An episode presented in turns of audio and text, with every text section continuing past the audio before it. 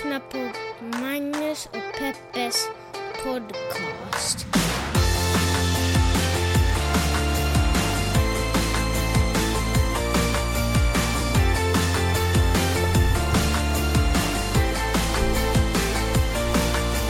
Japp, vi är tillbaka Magnus Peppes podcast. Den här lilla podcasten som pratar om de stora och de små händelserna i världen ur ett feministiskt, journalistiskt och mediegranskande perspektiv. Hur är läget Peppe? Det är bra Magnus. Vad är det som är så jäkla bra?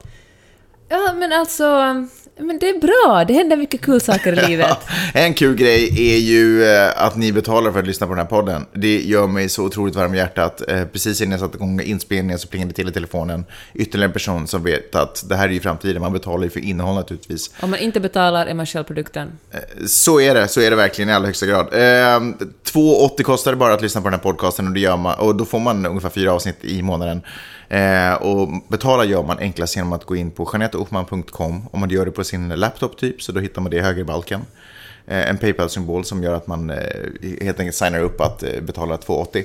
Eh, om du eh, har telefonen i handen så då kan du gå in på janetteochman.com i din lokala browser och sen scrolla ner ganska mycket så hittar du samma Paypal-symbol där. Stort, stort, stort, stort tack. Jag kan inte understryka eh, nog hur mycket det betyder och hur, hur mycket det betyder för oss och hur stolt jag är att just Ja, du är vår lyssnare. Jag underskriver det. Underskriver det. Nej, men undertecknar det. Ja, du undertecknar det. Bra! Peppe, eh, du säger att, eh, att det är bra. Det är ju en spontant svar. Oftast när man frågar hur är läget så säger man hur det egentligen än är. Världen kan ju ha ramlat samman. Eh, och då svarar man ändå att det är bra. Intressant är att om världen har ramlat samman, eller typ så att du har kanske varit med i en personlig kris, då skulle jag kanske inte ens fråga hur läget. Hur du är så rädd för att föra Ja, mitt, precis. svar. Mm. Ja. Det är ju det pinsammaste när man inte vet att du har varit med i en tragedi och jag frågar dig hur läget och så bara sparkar ens kompis till en på smalben och bara shit, så här, hela familjen är utplånad. Det är ett katastrof. Fast sånt ska man ju ändå fråga. Det är värsta Jag som vet. händer om det har hänt något hemskt i ens eh, familj eller en själv och så undviker folk en. Många vittnar ju som har varit med om tragedier, vittnar ju om utanförskapet som också inträffar efter eh, tragedin. Inte nog med att man kanske blivit av med mycket som står en nära och man känner sig ensam och rädd. Eh, sen så tycker bekantskapen att det är svårt. De vet inte hur de ska hantera det. Och det är ju det är ju förstås naturligt, men det är ju ändå supersynd. Alltså när det finns ett ordspråk som har skrivits på ett vykort och satt upp på en vägg eh, hos en gammal flickvän. Eller en av mina första flickvänner. Tråkigt att du alltid ska dra upp gamla flickvänner. Du tar liksom minsta lilla Ja, men här- chans att smyga in dem i den här podden, att du har träffat kvinnan före mig. Men eh, det här, på det här vykortet, som då alltså var uppnaglat med en, en nål, typ kanske på en toalett eller en hallvägg eller något liknande. Classy. Ja, så stod det eh, krama mig mest när jag behöver det som minst. Någonting sånt. Ja, nu korrelerar Nej, nej, vänta, så här går det väl.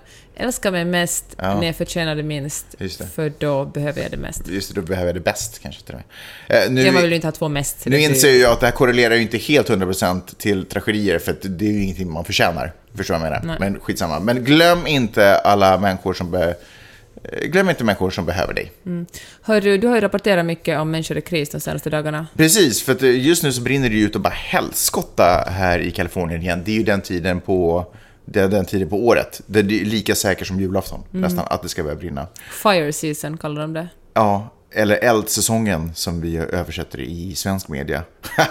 eh, men precis, men så är det ju. Santa Ana-vindarna, jag vet inte, vad, känner du till liksom, det här Santa Ana-vindarna, vad är det egentligen? Var, varför uppstår de nu? Vad är det som händer?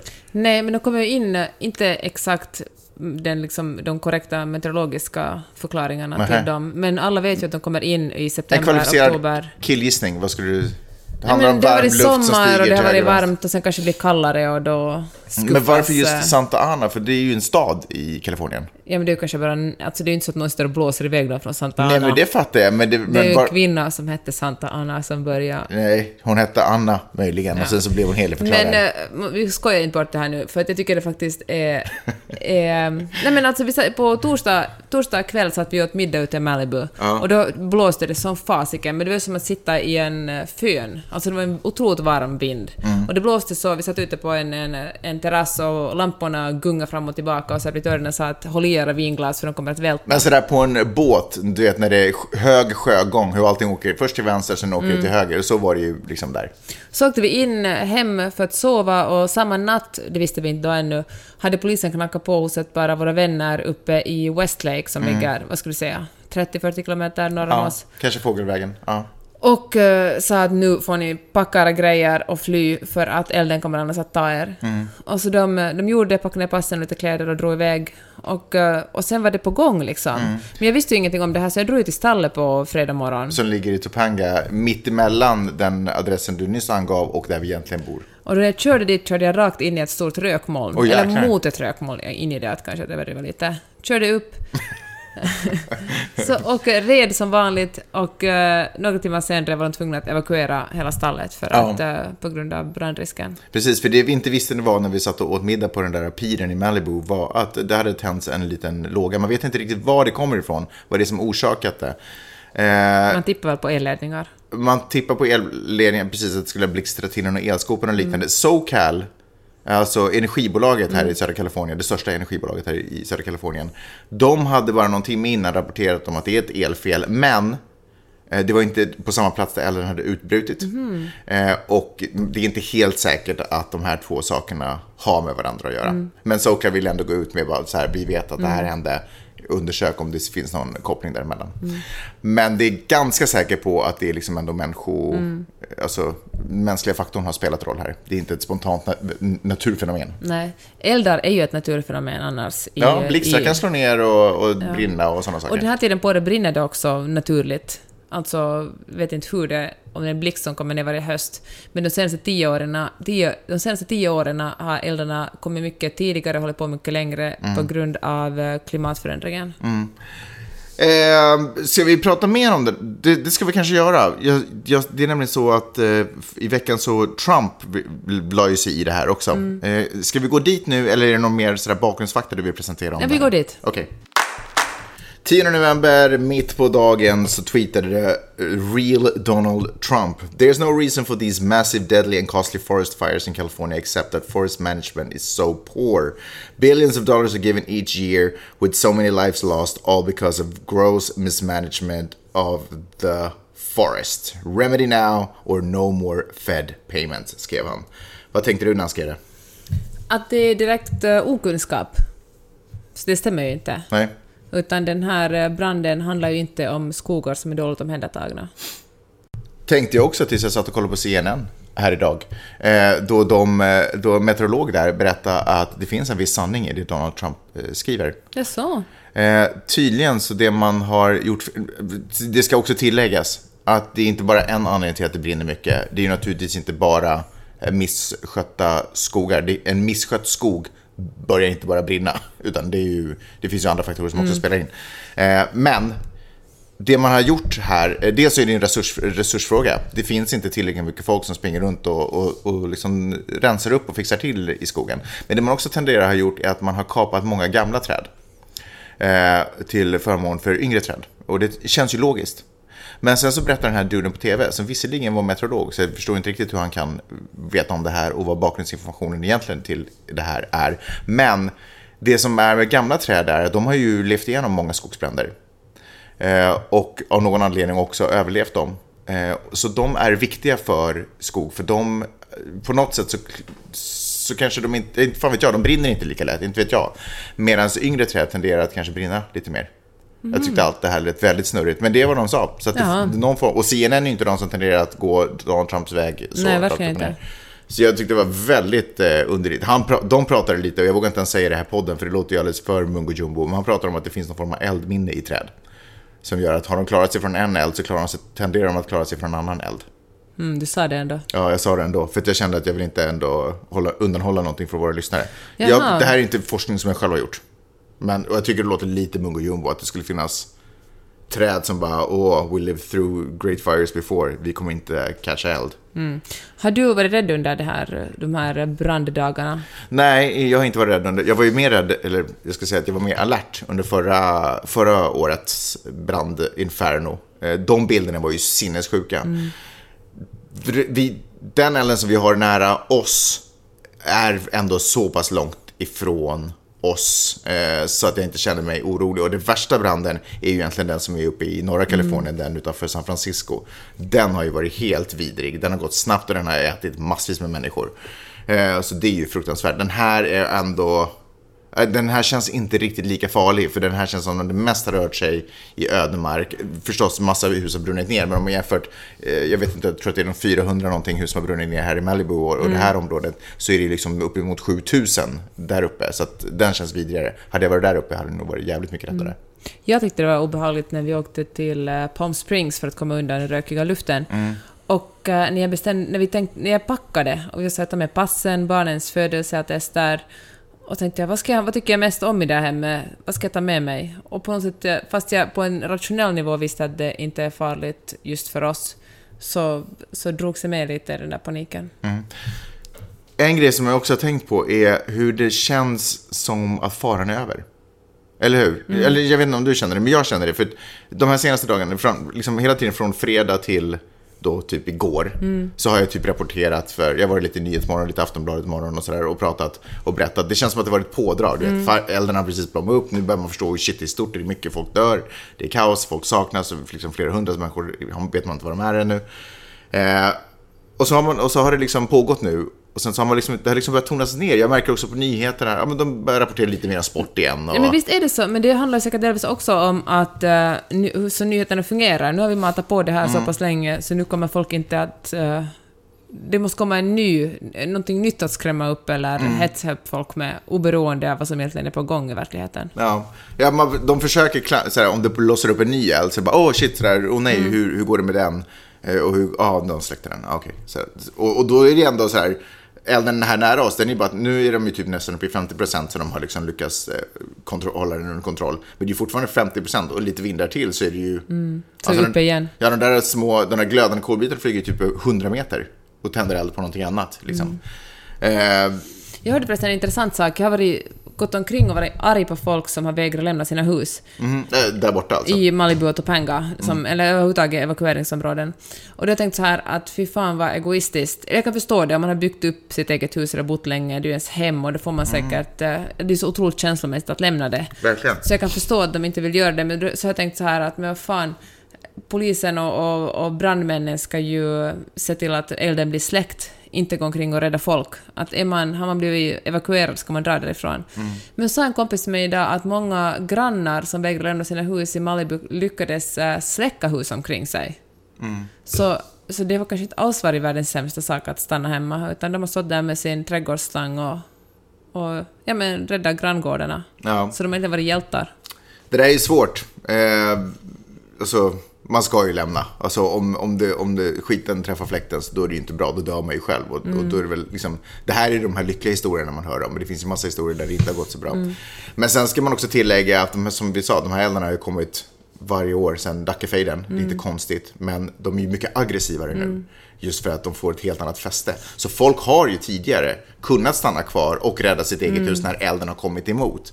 Eh, men man kan inte göra det. Så det är många som har bott i de här områdena i typ 30-40 år som är vana vid eldar kommer som aldrig lämnar. De kanske går ner till mm. stranden, evakuerar sig själva ett litet tag och så kommer de upp igen. Eh, och det har liksom egentligen aldrig varit någon så stor fara. Så de lever ju vidare på samma sätt och när folk är så här, ni måste dra, så bara, men herregud, vi har gjort det här i 40 mm. år, det är ingenting konstigt. Men de här eldarna är annorlunda, de är mycket, mycket aggressivare. Mm. Och det är ju ett problem också. Och nu ska det ju regna nästa vecka och spontant låter det superbra. Nu kommer elden och, och regnar och släcker elden. Men det kommer att leda till eh, mudslides. Vad heter det? Eller det ökar Jord... väl risken, det är väl inte... Ja, jordskred. Jordskred. Men, eh, nej, men så är det ju varje år. Mm. Alltså, vägar stängs ju varje år. När jag åker upp till... Min referensram till alltid stallet i den här podcasten och livet. Mm, det är för men, att det är det enda stället du alltid åker till. Men äh, när man kan uppleva vägen stängd oftast i flera veckor på grund av att det har brunnit, så har det regnat och det finns ingen fäst, det finns som inga rötter som kan hålla fast jorden utan allt bara rasar ner på vägen. Mm. Samma sak med PCH, alltså Highway 1 som går från, från Los Angeles till San Francisco, den är ju ofta stängd några månader om året just på grund av bränderna och att det sen rasar ner äh, jord på, på vägen. Mm. Ja, varför bor vi här Peppe? Det är också väldigt härligt. Ja, fast det är ju... Eh, det här är ju... Det, den är ganska skoningslös den här marken. Jag har tänkt på det ganska mycket om hur Ja, men, eller snackade vi om det i förra podden Mm. också, om att här, Stockholm och många städer i Sverige, det känns som, det, där är marken hunsad. Det, Mm. Naturen kommer inte ta över. Men här lever man hela tiden på nåder på vildmarkens nycker. Och, Skulle du säga det som en vild mustang? det här är som en, eh, pratar vi bilen då, eller en, en, Hästen. en hingst. Det som också är helt sinnessjukt är att det här, är- allt det här har hänt under samma vecka som inleddes med den här stora masskjutningen i Thousand Oaks på någon så här countrybar eller vad det tusan det var. Eh, Det är inte svårt att dra paralleller till countrygrejen som skedde i country... Festivalen. Ja, precis. Där det också var en skjutning i, i Las Vegas.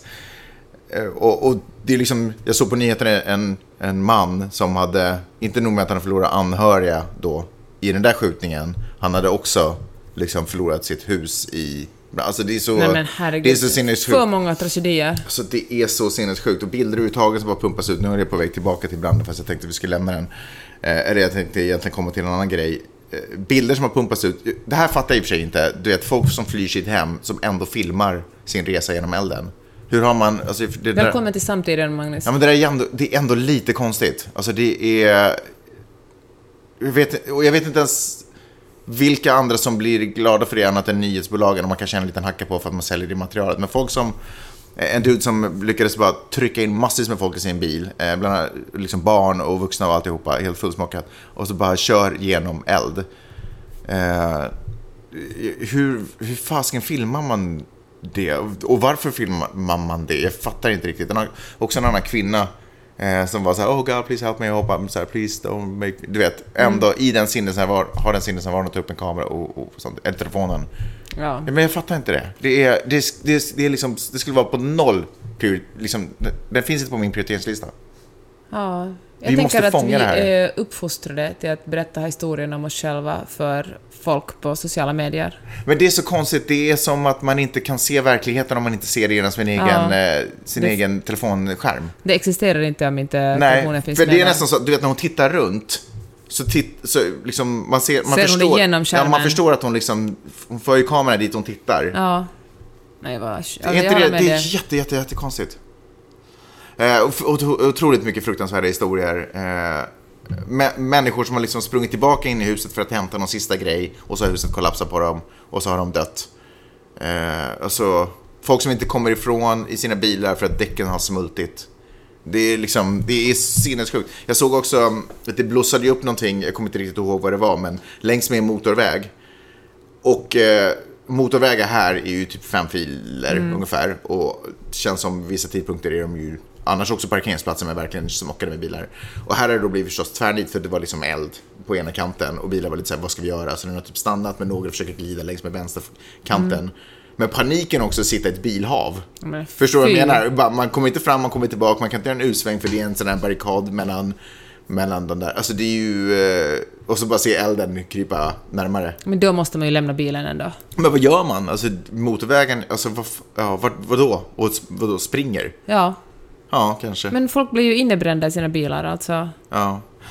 Ja, sinnessjukt. Eh, Det jag skulle komma till just med den här, veckan inleddes med den här skjutningen som liksom nästan ingen ens har hunnit eh, har- bearbeta Nej. eller prata nyheter. Det bara, du vet, det bara eh, gick vidare och sen så var det förstås bränder och alltihopa. Och jag vet inte ens om svenska medier har rapporterat om skolskjutningen innan bränder. För jag har åtminstone inte pratat om någonting om, om eller inte skolskjutning, vad pratar jag om? Utan- Barskjutningen. Ja, Massskjutningen. Ja, precis. Jag har åtminstone inte blivit tillfrågad någonting om det. Men det jag har märkt nu, när bränderna, hur mycket de än härjar fortfarande, har blivit lite vardagsmat, är att nu har folk fått lite... Det är som att de lyckas hitta ett litet... Det här är det nya normala, så de har hittat liksom ett litet andrum i det nya normala.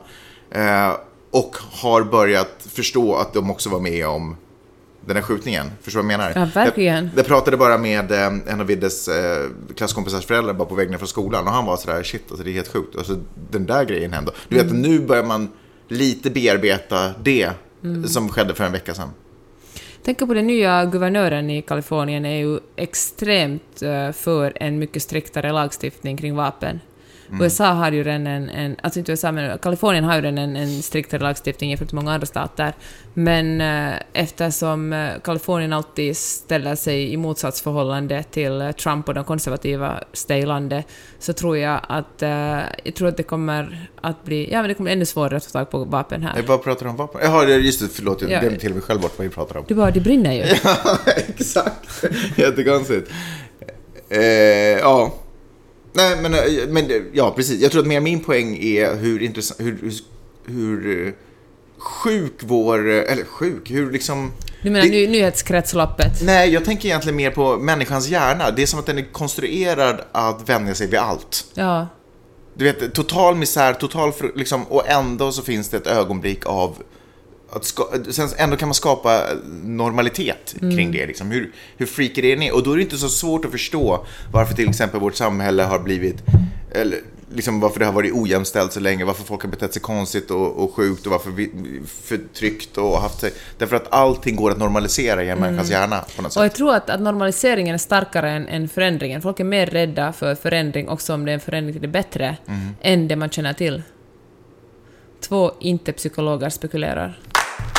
Förra veckan talade vi om att Alexander Bard har blivit inbjuden till att tala under internationella mansdagen Mm. i Åbo. Mhm. Först var det Åbo Akademi, eh, den skulle hållas en diskussion i Åbo Akademis utrymmen, men så tackade Åbo Akademi nej för de tyckte det var oseriöst. Och eh, nu har den här eh, debatten kring var de ska ha, den här, den här debatten om debatten har fortsatt Okej. hela veckan. Har den blossat upp i Finland? Den Är den har det eftersom, eh, svensk, åtminstone Svenskfinland, för svenska YLE kommer att livestreama den här Mm. diskussionen och de med Bettina Sågbom som, eh, som moderator. Och de har försökt få tag på, på någon, en kvinnlig feminist som vill sitta med i panelen, men alla tackar nej för de tycker att... eh, Det här är idiotiskt från början. exakt och Alexander Bards, inst- Bards Ja, inställning ex- till bra kvinnor. namn, Alexander Barn. Det är Ja. exakt vad det han är. Ja. Han lär ju vara väldigt trevlig i, i, liksom, i andra sammanhang än det offentliga. Ja, men det tror jag säkert en massa nazister också var. Ja, fair enough. I alla fall. Så, men då slog det mig en sak. Jag säger inte att han är nazist. Det, Nej, jag förstår det, men jag förstår vad du menar. Men samtidigt tänker jag, men så, när jag samtidigt som jag sa det här känner jag att, att om man... Han, hans, alla hans misogyna kommentarer på, på Twitter vittnar ju ändå om att han, att han inte tycker att kvinnor är likvärdiga män. Jag menar, också om han är trevlig och kan föra sig i salongen så kan man ju ändå ha sunkiga åsikter. Absolut. I alla fall. Det är nästan viktigare att kunna föra sig i salongen om man har sunkigare åsikter. Ja. Men då slog det mig en sak om den här mansrörelsen. För nästan all mansrörelse, vare sig det handlar om Jordan B. Peterson eller Alexander Bard eller olika mansorganisationer för männens rättigheter, de existerar bara i, eh, i relation till kvinnor. De behöver, de behöver feminister som motsatsförhållande. De behöver någonting att skylla på och då är det kvinnorna som har gjort fel mot dem. Jag tycker att väldigt, nu kanske jag drar många under, över en kam och hashtag inte alla mansrättsorganisationer, men de allra flesta är liksom inte, de är inte uppsprungna ur nu ska vi, eh, nu ska vi göra, nu ska vi se till att eh, män mår bra och, eh, och lever ett lyckligt liv, utan de handlar om att i relation till kvinnor har män det dåligt, därför har kvinnorna gjort någonting fel. Hur ska vi råda bot på det här? Mm, intressant. Och jag tror att det är en av orsakerna att ingen, att ingen feminist vill ställa upp och diskutera, förutom att Alexander Bard har, Barn, Bard har visat sig vara en, en otroligt otrevlig person att debattera med. Osaklig. Men, men att det är också en orsak till att ingen feminist vill ställa upp, för det finns liksom ingen poäng att sätta sig i en paneldebatt för att bara försvara feminismen. Jag tycker att drömmen är ju att, för det första, feminism inkluderar ju också män. Men det är någonting som mansrättsrörelser vägrar eh, acceptera. Men att ställa sig upp där och vara liksom någon slags motpol till mansrörelser kommer ju, då, då kommer man ju ingenstans. Om man hela tiden ser jämställdhet som, en, som någon slags krig mellan kvinnor och män och vem som har rätt i det ena och vem som har rätt i det andra, är det ju otroligt svårt att uppnå någon slags konsensus. Ja, det stämmer. Vad tycker du om om en man skulle vara där och försvara feminismen? Ja, men jag har en kompis som Eller är... försvara feminismen, det är jättekonstigt, men eh, stå för åsikten att alla borde ha samma rättigheter. Ja, jag tycker att det... Ja, varför inte? Jag har faktiskt en kompis som är en väldigt liksom, profilerad feminist och man Skulle bli i konstigt om Finland det som just hörde av sig i morse och sa att han hade tackat nej till att delta i den här Jaha, panelen. okej. För att han... Alltså, han tyckte den var osaklig helt enkelt. Och jag känner också att... att Mm. Vad är syftet med panelen? Vad skulle du diskutera igen? Ja, den ska diskutera män och jämställdhet. Okej. Så nu kommer det att sitta bara en massa massa mansrättsaktivister och diskutera det tillsammans. Det kommer ju knappast att bli så mycket... Alla, jag antar att folk håller med varandra. Det kommer att bli en medhållsdebatt. Män och mäns rättigheter. Det jag tycker är att det känns eh, så deprimerande fattigt. Alltså tanken är så fattig. Män och mäns rättigheter. Det är liksom... Det är ju bara ett sådär motargumentationsdebatt som inte syftar till att egentligen försöka göra någonting bättre. Kan man inte åtminstone försöka vara lite mer konkret? Hur, hur ska vi... eh, Hur ska män finna sin, eh, få en naturligare plats i hemmet? Eller inte vet jag, hur ska män kunna erövra vården om sina barn? Eller hur ska män kunna... Eller, eller måste det alltid handla om ens det? Kan man snacka om varför mår män så dåligt? Nej, men jag varför tänker- har unga män så Nej, dåligt... men det också, men jag, att man kanske blir lite mer specifik. Mm. Liksom. Och, och, och då tänker jag också att då, då spelar det inte så stor roll om en feminist är där eller inte. Om, om män bara vill ha ett, Man kan ju ändå hoppas, det här är ju ingenting som utesluter att männen som är med där är feminister. Nu tyder ju inte Mm. Alexander Bard på att han är ju inte feminist så uppenbarligen, men jag menar publiken kan mycket väl vara feministiska Mm. män som är intresserade av diskussionerna, hur kan, hur, vad kan de göra i sina liv för att förändra.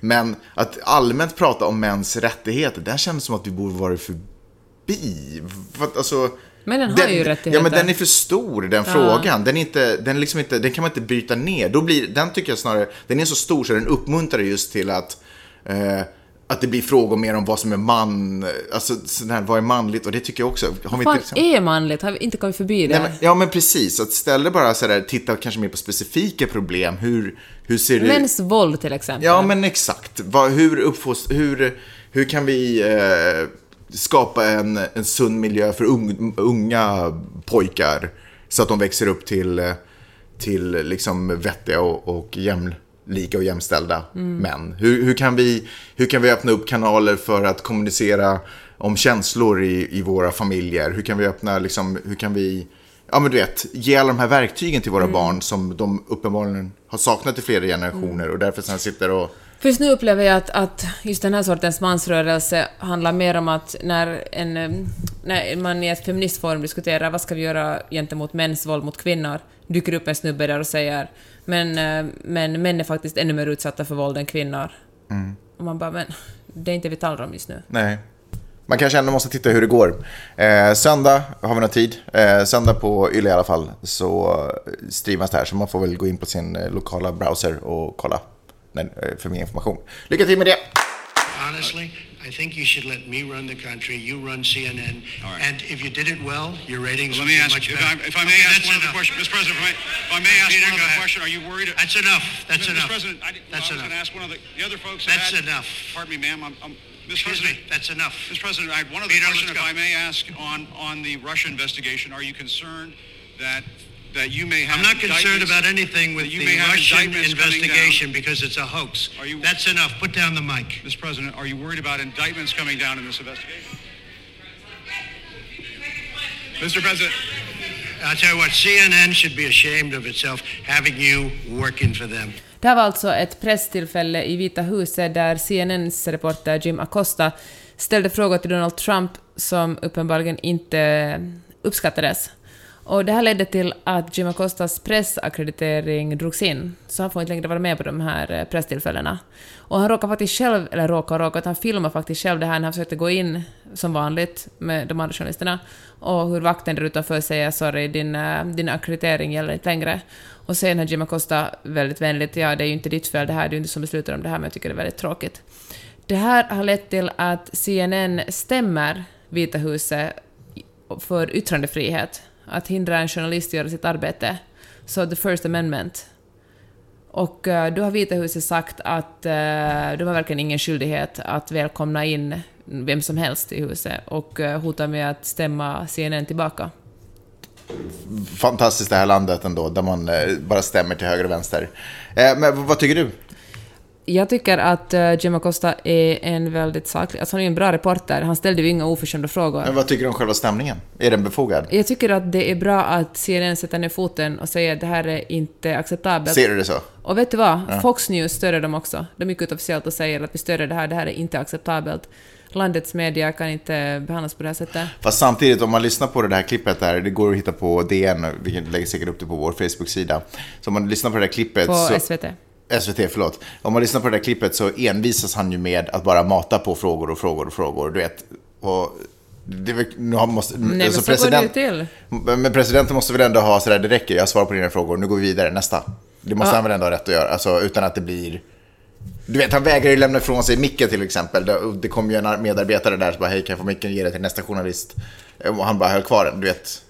Ja, nej, för Jag jag förstår- så där går det till på, så där går det till Jag på press, presstillfällen. Jag fattar, men... Han, vill, han vill ju få ett klart svar för sin story. Kan du Nja, svara på det här? Fast... Alltså jag ger inte supermycket... Är det sant? Ja, nej, jag, alltså, när jag lyssnade på det Så du tycker att Vita huset gjorde rätt som drog in hans press, pressackreditering? Jag tycker så här, man kan inte dra in en pressackreditering för att man får tuffa frågor och man tycker att det känns obekvämt att svara på dem. Men man kan ju väl kanske nog ändå dra in en pressackreditering för folk som inte beter sig. Eh, liksom man ska väl inte... Bara för Fast att han man, är ju alldeles saklig och det där att han, han vägrar ju inte, alltså han flyttar det var ju inget... han var så Vita excuse me, ma'am." alltså det kommer ju fram, man ser ju till och med, det kommer ju Ja. fram en tjej och bara, hej kan jag försöka ta micken? Han Hon bara, är en "Eh, praktikant, excuse me ja. ma'am. Bara, Kan jag få ställa min fråga? en till fråga. Det är Ja. en ny fråga. För först så vill, ställer han en fråga. Men det finns väl ingen regel som säger att en journalist får bara en fråga? Nej, det är sant. Men om man ombeds, du har fått svar, alltså det är ju massa journalister i rummet. Fast så funkar ju inte journalistiken. Du kan inte vara sådär, om, om den man intervjuar eller den som man ställer inför väggen säger att, att eh, nu räcker det, jag tänker inte svara Nej, på jag fattar frågor. det. Alltså för att göra bra journalistik är man ju tvungen att ställa följdfrågor och säga kan du ge mig ett klart svar ja, på fast det det här? här var inte en Det fråga, en ju ingen- följdfråga. Det här, var en ny, det här var ett nytt ämne han ville ge sig in i. Ja. Men eh, det handlar ju om att alltså det, man måste vara på hugget som journalist. Man måste gå aggressivt Såklart. fram och säga kan du vara snäll. Alltså ingen bra journalist. Nej, Jag menar. Donald Trump vill ju ha journalister som bara frågar honom hur det kommer sig att ekonomin går så bra och hur han kommer, hur det, varför allt det lyser under, under presidentens eh, tid som president. Då han, han, eh, han har ju ingen Mm. kapacitet att svara på kritiska frågor. Förstås, absolut. Eh, men alltså jag, jag tycker inte att saken är så. Jag tycker att de här stämningarna är båda PR. Det är marknadsföring för, Tycker du de, det? för de båda husen. Du är inte alls orolig över, över journalismens roll. Det är ju tvärtom från Donald Trumps sätt, gud vad skönt att jag avbryter dig ibland också. Det är det ju liksom eh, att för Donald Trump att kalla honom eh, en, eh, en skam för CNN och börja smälla, smälla in... Boo, Nej, vänta nu. farligt. Nej, men att säga in och mata på med fake news, det handlar ju om att Vad var det underminera... fake news som han han, det sista på? han säger är att jag tror, ni, ni sänder bara fake news, det är bara fake Jaha, news, det är det ja, sista han ja, säger i klippet. men, ja, mm. Och det handlar ju om, han, han spelar ju tvärtom för sina, för sin, Ja, sin alla spelar core. för sina gallerier. Han, han vill ju liksom, men jag tycker att det är en ganska stor skillnad på att göra sitt jobb som journalist än att aktivt underminera media och journalistikens betydelse i landet. Donald Trumps mål är ju att ingen ska tro på journalister längre. Mm. Det är därför han ju det oändliga upprepar att journalister bara ljuger och hittar på och ingenting är sant det som de skriver och rapporterar om. Jag är ganska säker på att det här inte kommer gå till rätten.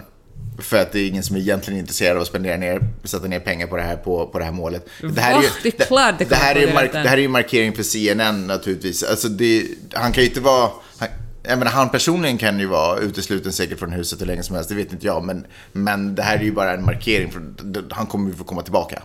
Det är ju helt hundra på. Det här är ju bara ett sådär Trumps försök att sådär bete dig så som jag vill eller var inte här. Jag tror att det kommer det gå kommer till inte hålla. domstol. Vi kan, till domstol. Domstol. Vi kan tala om det här. domstol. Kan du vara själv. Vi kan tala om det här nästa vecka och se hur det gått. Mm, det kan göra. För inte så hemskt länge sedan så gick eh, Stephanie Grisham, som är alltså Melania Trumps eh, communication director, inte vet jag, PR-chef eller något sånt. Hon gick ut med ett statement eh, där de menade att Mira Ricardell, som har alltså varit nummer två på the National Security Council, eh, att hon inte borde få jobba där längre. Uh, it's the position of the office of the first lady that she no longer deserves the honor of serving in the White House. För, Säger varför talar de brittiska? Nej men det är, när det är viktiga statements så då är det väldigt Ja, du kommer upp till brittiska ja, engelska. Och dessutom, ja, precis. Men hör du, finns det någon motivering till det här då? Tydligen så är det så att eh, den här kvinnan har, inom citationstecken, angered the East Wing. Det kom lite snor Alltså, det, min näsa när jag skrattade. det, stod inte, i- det stod inte i statementet förstås, det hade varit konstigt, men det är skvallret, eh, skvallret på, i media. Eh, att hon inte var, hon provocerar på något sätt. Ja, men jag säger giljotin. Ja, jag säger också giljotin. Men hör du, vad, vad är konstigt med det här Peppe? Men, vad tycker du är konstigt eh, med det här? Men jag menar, the first lady, Melania Trump, har väl ingenting att göra med politik? Ja, inte, ja, fast det är inte helt ovanligt att... Men hon har ju ingen... ingen hon Hon har ingen officiell titel, men hon är ju gift med presidenten, så det är klart att hon är ju... eh, Hon nog- har ju en officiell titel, hon är ju the first lady. Jo, jo, men förstår du vad jag menar? Men hon har ingen, hon, hon har Hon ingen har ju ingen- officiell politisk titel. Nej, men hon kan ju inte gå och sparka folk hit och dit. Det har Nej. inte befogenheter till. Det har ju hänt Ännu. Nej, men alltså sparka folk till höger och vänster, fine. Men det har ju funnits first ladies som nog har varit starka och engagerade ändå. Nancy Reagan är en av dem som till exempel typ lite viskade till Reagan vad han skulle säga i vissa tal och sådär. Speciellt när Reagan var lite bubby. Eh, Men, Men det är ju en annan sak om man är lite bubby. Ja, det är sant. Men, eh, och Clintons har ju också Men supportat varandra och stött varandra. Det är ju en jättestor skillnad. Det är klart att man som ett team, säg du och jag skulle jobba i Vita huset, Mm. Ja. jag är president. Det är klart att jag skulle rådfråga dig ibland, vet du, man sitter och äter frukost och jag bara, vad tycker du om det här? Ja. Men att gå Sen skulle du nonchalera mina råd. Givetvis, men sen, du skulle väl aldrig gå ut och säga liksom, i media att du tycker att någon ska sparkas eller, eller att vi ska invadera ett land eller något sånt. Det är ju opassande. Men precis som du sa, i en vanlig situation så, så är det ju så att eh, jag har en idé om någon som jag inte tycker om i din staff. Och så sitter vi runt frukostbordet och så gnäller lite för att plättarna smakar lite underligt som du har gjort. Men du, Peppe, vi måste snacka om en grej. Eh, Jocke som jobbar i din eh, säkerhetsavdelning, han verkar ju helt bäng. Han har ju betett sig som en jäkla röv när han går omkring och är dryg. Vi måste, du måste ju bara sparka honom. Och så skulle det vara så här, ja fast å andra sidan, eh, jag fattar det, men han är otroligt värdefull så jag behöver honom. Eller, ja du har rätt, jag kan inte se, jag fattar inte ens vad jag tänkte där, han ska bort. Du vet, det samtalet förs över frukostbordet. Men det är ju inte det som har hänt här. Utan hon har ju gått ut i media och sagt Hej, eh, min kära make. Jag skulle vilja att du sparkar, för hon kan ju inte sparka någon. Nej, Hej min kära make, i media. Det är som att istället, istället för att du och jag har den här konversationen runt frukostbordet så ringer Aftonbladet. Hej, du kan inte ni bara säga till min eh, fru att hon sparkar eh, Jocke på säkerhetsavdelningen? Det är så sjukt med, den här, med det här Vita huset. Man vet ju inte om de är genier eller bara helt dumma i huvudet. Men vad säger det här om deras förhållande? Alltså, vad, vad, det här är ju helt absurt.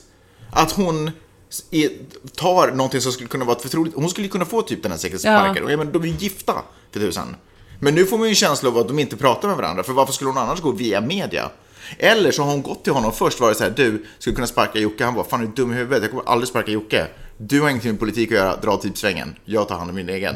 Och, Och hon då- lackar och hon går ut och sätter press på sin egen. För vad kan, antingen så måste han, Visa att han ignorerar henne, ja, bara nej, du har ingenting. Alltså, vilket han, ju måste, är ett FU liksom. han måste gå ut offi- officiellt typ och vara sådär, eh, hej Melania, eh, det här är din man Trump på Twitter, the real Donald Trump. Eh, det kommer inte hända, han är viktig. Eller så måste han sparka och då betyder det att hon har, Ja. du vet, man förhandlar makt. inte med terrorister gäller ju inte då. För Nej. då har han ju liksom gjort som hon har sagt. Och det kan ju inte se bra ut. Det är, alltså hon underminerar ju Ja. sin egen snubbes presidentskap. Så du, du du lutar mot att de är idioter? Ja men det är ju någonting väldigt fishy. Alltså antingen är hon ju en spion som i liksom En östeuropeisk Ja men spion. i hemlighet jobbar... Hon visste redan 1986 när hon kom till USA att hon skulle gifta sig med den blivande presidenten och nu har hon infiltrerat... Kanske allt det här är en del av en plan. Liksom. Nej men alltså håll med om att det är väldigt Ja, ja, men jag mysigt. håller med, det ju- Det här har ju inget... En sån här... Men tycker du, den här, eh, du vet den där jackan från typ Sara som hon hade när Mm. det handlar om eh, barnen, eh, hon skulle snacka om barn som hade separerats från sina föräldrar vid gränsen. Och då hade hon en jackan det stod I don't really care, do Mm. you på sig. Som uppenbarligen var ett ett, en proteststatement också. En sån jacka har man ju inte på sig. Det var ju ja, slump. jag menar, hon har ju stylister och det som när the first lady klär sig i offentligheten, det är ju inte någonting som, det är inte som du vaknar på morgonen och drar på dig en t-shirt precis. Utan det har ju en politisk, alltså, tyvärr är det ju fortfarande så att det hon har på sig har en politisk betydelse. Mm. Jag tänker när Michelle Obama klädde sig i H&M gick det blev folk otroligt glada och det hade ett ännu ett större uppsyn för H&M. Strunt samma. Ja. Och då tänker jag att är det här en ny protest i samma linje med I don't really care, do you? Är det ett sätt att för henne att uh, subtilt på något sätt uh, röra om i grytan så att säga? Det är jäkligt mystiskt. Det, för mig hade det varit en helt annan sak om det var sådär, åh, eh, Melania Trumps staff har det stora nöjet att kunna presentera En intervju? eller, nej, compelling fakta som visar att den här kvinnan är superkriminell. Jag har inte hunnit ens hunnit prata med min man- om det här, det här måste vara... Men, Nej, men herregud, det skulle också vara otroligt Jo, konstigt. superkonstigt, men någonstans ändå, ah, okej, jag fattar. Men här är det sådär, de, hon är arg på henne för någonting som hände. Eh, jag, vet, jag tror att det är kopplat till någon form av resa till Afrika eller någonting. Att det är sådär, Men det var någon hon klädde sig till kolonialherre. Ja, ja, men precis. Så hon är lack på den här tjejen. Jaha, ja. Så det är inte... Det är personligt, liksom. Det, det är typ personligt. Och då är det ju, då är det ju, alltså, vilket, alltså jag fattar inte. Jag förstår inte hur Jag tycker det, att när vi snackar om Vita huset och Donald Trump och hans äh, gäng, Mm. det känns på något så förutsägbart att chockas över det som händer där, förutom att du, den scenen en gren som du tyckte annorlunda. Mm. Men, äh, men, jag tycker, men samtidigt är det ju viktigt att prata om det också, för att om man inte blir chockerad, är det ju, då normaliserar man ju det. Ja. Det är ju liksom, det, det som är, man måste ju säga så här, this is abnormal, det här, det här är inte normalt, så här går det inte till. Nej, Nej det här är supermystiskt. Eh, vill du veta vad the cherry on the top är? Nå? Tydligen så kommer den där kvinnan få sparken, säger ryktena. Vi får se om det blir så. Får följa upp det här. Mm. Får följa upp den här frågan, Magnus. Jag har två Los Angeles-kortisar ännu. Oj. Uh, bränderna i eh, Los Angeles handlar ju, del, handlar ju om klimatförändringen. Mm. Och eh, jag fick en, en sån här... eh, en, gud vad jag inte kan tala svenska idag. Okej. En, fick en, en framtidsvision om hur det kommer att se ut när klimatförändringen kickar in på allvar. Ja. För jag läste att eh, Kim Kardashian och, och Kanye hade hyrt in privata brandmän för att släcka elden kring deras hus. Okej. Och det är tydligen så det kommer att gå till. Alltså jag menar, klimatförändringen kommer ju ändå mest av allt drabbas de som har minst, de som bor, de bor i, som är fattiga. Och de som är rikast kan alltså ha nu en, en privat polisstyrka, privata brandmän och liksom... Och Privata brandmän, hur funkar det? Men det här är ju USA, det är klart att allt det går att ordna, allt går att ordna. Ja, Jaha, okej. Eh, sinnessjukt. Det- Det var ju många brandmän som, som har varit bekämpat de här bränderna som själv har förlorat hus. För Ja, det är ju liksom, det är ju lokala brandmän, Ja. de huvudsakligen som, som är Så här det är. Malibu Fire Department Ja. och så vidare. Och de har ändå varit och, och liksom, alltså det är ju... Alltså fan vilka hjältar de är. Ja, men jag måste nog ändå säga att det här, jag har pratat om tidigare den stora skillnaden mellan liksom, vad jag tycker vårt europeiska system och framförallt det skandinaviska och det här, är ju att här går ju faktiskt verkligen man ur huset. Och, och det händer nog visserligen kanske mer på landsbygden därifrån vi kommer också, men just i stan så kan man vara ganska ensam när det sker en, en katastrof. Vad det nu skulle vara Du menar hemma i Norden? Hemma i Norden. Eh, liksom, ja, men det kan, det kan jag väl spontant känna. Eh, men inte alla människor. Ja men nu är det för komplicerat. Du menar att här i USA så går folk och hjälper varandra när, Ja, men jag det, när tycker krisen verkligen, kommer? man är åtminstone så man, låt mig säga så här då. Man är otroligt bra på att marknadsföra den här community-känslan. Ja. Att det här är ett Nej, men- där folk... Jag håller med om det. Jag tänker på, jag tänker att alla hästar igen, men alla Jaha. 70 hästar som evakuerades från stallet i Topanga, Mm. folk, de visste inte ens vem det var, folk dök, dök upp med trailers, Mm. en efter en. De var inte tvungna att åka två gånger med samma trailer en enda Mm. gång. Fattar folk bara, alla som hade en trailer körde till stallen och tog hästarna och körde till andra sidan Los Angeles för att få bort dem därifrån. Ja, fast vet du vad, jag måste faktiskt backa lite. För att förra sommaren när eldarna härjade runt omkring i Sverige, så då gick nog man ur huset också och, och, och gjorde vad de kunde för att eh, släcka och bidra och hjälpa. Och, så kanske det är bara mer ett fenomen av katastrofer. Att vi är så pass eh, förskonade för katastrofer Mm. hemma i Norden. Så därför så ställs vi sällan i de situationer där vi måste gå man ur huset och visa Mm. vilka vi egentligen är. De här små problemen är inte tillräckligt mycket Mm. som vi stöter på i vardagen. De är inte tillräckligt mycket för att vi ska för att dra fram vår empatiska sida. Vi kan unna oss, det är nästan som en lyx att unna sig att vara lite kall. Sen lite är det kall. ju intressant också vem som hjälper vem. Alltså, luften har varit otroligt dålig här. På, på lördagen. Jag känner av det den ju... i halsen faktiskt. Jag Ja, men- att jag är förkyld, men det är jag inte. Nej. Det är, jag känner mig, eh, ja, halsad. Konstigt. Ja, jag har haft huvudvärk också. Det är liksom en tung luft. Och eh, de som ingen har tänkt så mycket på är folk som jobbar ute, alltså, jobbar ute på fälten, plockar jordgubbar och morötter och allt. De har ju jobbat liksom som vanligt. Det finns Det bilder sant. från de står på fälten medan det ligger en sån här tung eh, rökdimma ovanför oj, dem. oj, oj. Så det är ju också en klassfråga, vem Mm. som hjälper vem och vem som får ta ledigt från skolan. Ja. Ja. Sjukt. Eh, Men det är ju också många, det kan man ju tycka vad man vill om, att eh, Kanye West och The Kardashians, att de har privat brandstyrka. Men det är också många kändisar som har fått sina hus nerbrända. Mm. Miley Cyrus. Jag visste att du skulle nämna Miley Cyrus först. Ja, men det är för att det är det enda namnet jag kom på faktiskt. Det finns andra, men jag kommer inte ihåg vad de heter. Han som gjorde den där låten. Fan. Charlie Sheen efterlyste sina föräldrar på Twitter på fredagen. Just det. Han var då, han har sett min mamma och pappa, Martin Sheen är också en ganska känd Mm. eh, skådespelare. Och de eh, hittades sen på en strand, så slutet gott, I allting gott. Karibien, typ. ja, nej, Malibu. Eh, ja. men så är det. Nej, men fruktansvärt. Det är ju helt sinnessjukt. Men det var två kortisar. Vad var den andra? Den andra var det att jag har tagit ett steg till att bli mer LA. Jag har börjat hålla möten i bilen. Jaha. Jag har kört bil på sistone Och då en gång tänkte jag, så här som man tänker i Jag har haft Norden. väldigt mycket problem med bilen sen du började köra den, inser jag nu förresten. Ja. Problemet är väl att det inte är hemma. ja, exakt. Ja. Och då har jag börjat, men det är perfekt alltså, man ringer alla samtal, man ska i bilen, man håller möten i bilen. Det är ju det är otroligt praktiskt. Mm. För jag har känt en sån enorm stress över att jag sitter en, liksom, men sitter en halvtimme hit, en halvtimme dit och det är bara poddtid. Mm. Nu bara effektivitetskvinnan här. Eh, nu ska jag bjuda på en liten inblick i vår eh, familj. Nej. i vårt, i vårt förhållande. Vet du hur, vet du hur det känns, Peppe? Eh, när du har varit, drar på morgonen, tidigt på morgonen för att du vill komma hem tidigt, inom situationstecken heter det. Eh, så kommer du hem, du drar tidigt på morgonen, så kommer du hem typ vid lunch, lite drygt lunch ungefär. Och sen eh, så vill, kände du ett starkt behov av att lacka dina naglar. Först sätter du vårt barn i badkaret, vilket i och för sig är soft, och sen så går du iväg och bestämmer för att det är dags att lacka dina naglar. naglar. Eh, varpå barnet gråter, för barnet vill inte vara ensam i bad, badkaret. Eh, Det är faktiskt och då är det så här, då säger du till mig, som du alltså har tillbringat liksom hela förmiddagen till dagen med barnet, det är samma barn. Eh, så säger du till mig, kan inte du gå och lyfta upp Maj-Lis ur badet? Det är också ditt barn nämligen, säger du. Det var inte så mycket det där kan du gå och göra, utan att du la till, det är nämligen också ditt barn. Som om liksom 12 timmar inte har lärt mig det, idag bara. Hur känner du där, Peppe? Jag känner att det är fantastiskt att du får umgås med dina barn så mycket. Jag tycker att det är fantastiskt. Det är ju liksom otroligt många människor avundas det, Magnus. Det tror jag inte, men, eh, eller ja, fast kanske inte just barnsituationen. Nej, men jag tycker att det är fantastiskt. Men ibland kan jag känna att en timme som du spenderar med barnet är liksom värt två, tre. Ja, Medan en timme med mig ibland liksom devalveras. Men det är ju därför att jag har ju... Alltså de barnen har ju kommit från min kropp Ja, i nio det var ändå månader. två år sedan. Förlossningarna, två förlossningar, två... Ja, ja, jag vill bara säga att eh, jag ska åka iväg på en middag snart.